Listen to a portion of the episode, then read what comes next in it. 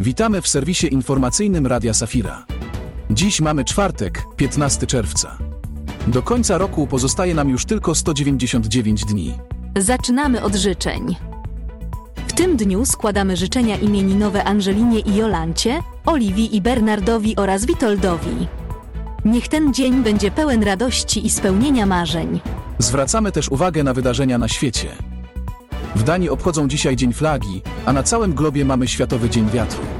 W ten sposób promujemy odnawialne i czyste źródło energii. Teraz przenosimy się do Torunia i roku 1528. Tam otwarto mennicę królewską.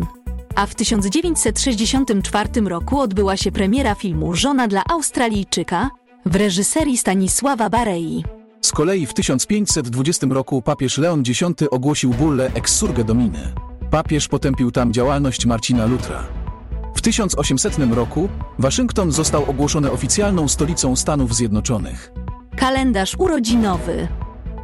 W 1479 roku urodziła się Lisa Gerardini, prawdopodobna modelka do obrazu Mona Lisa.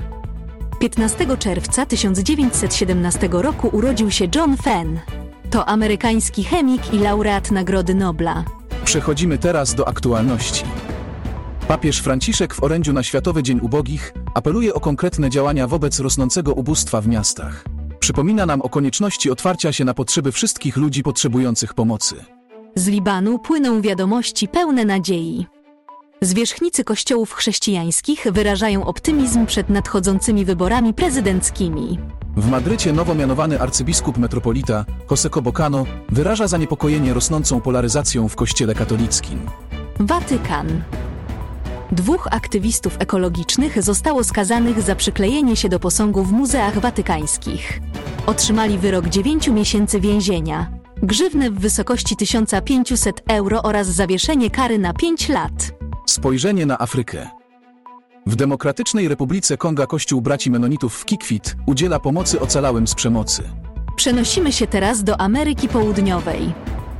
Kościół Aliansu Ewangelicznego Menonitów w Argentynie obchodzi 70. rocznicę istnienia.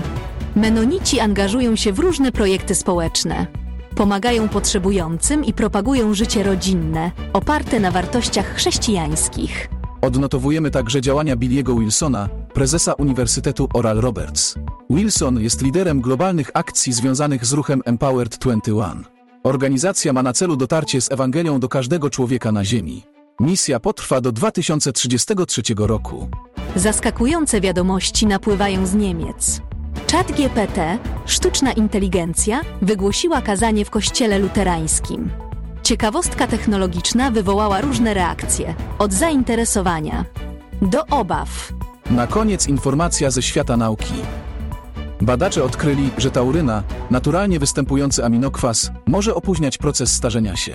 W badaniach na myszach i małpach podawanie tauryny przedłużało życie i poprawiało funkcję narządów. Na tym kończymy serwis informacyjny Radia Safira. Do usłyszenia.